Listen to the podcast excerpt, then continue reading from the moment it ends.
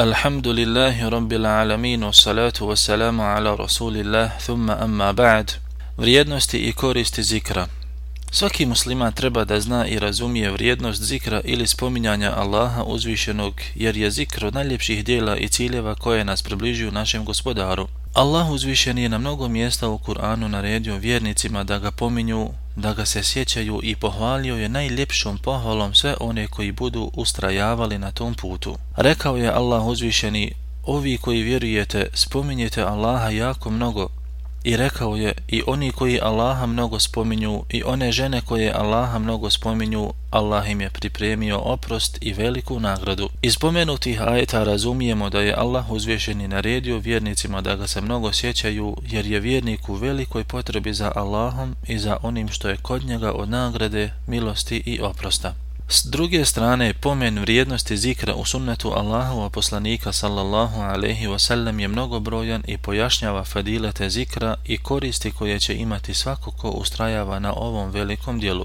Bileži muslim u svome sahihu od Ebu Horeire radijallahu anhu od Allahova poslanika sallallahu alaihi wasallam da je rekao Pretekli su vas el muferriduni.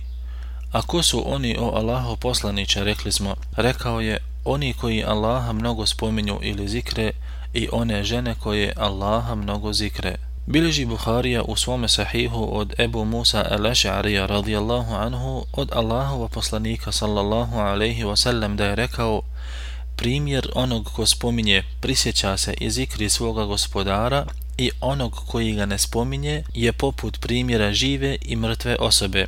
Pomenuti ajeti i govor Allahova poslanika sallallahu alaihi wasallam ukazuju na vrijednost zikra, ustrajavanje na njemu i vrijednosti osoba koje se Allaha prisjećaju i spominju ga u svim svojim stanjima.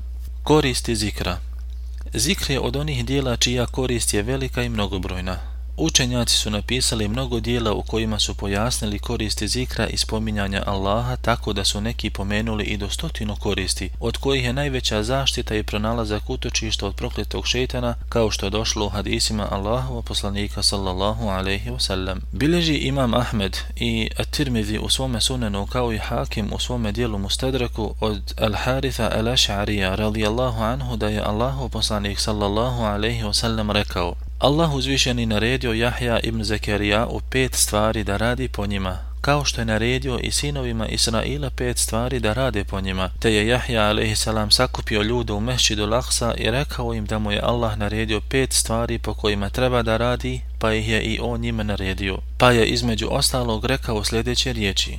Naređujem vam da spominjete Allaha, jer primjer toga je poput primjera čovjeka koji bježi ispred brzog neprijatelja, sve dok ne dođe do čvrste i jake tvrđave pa se u nju sklone. Isto tako, vjernik ne može da se zaštiti od šeitana osim sa spominjanjem Allaha uzvišenog.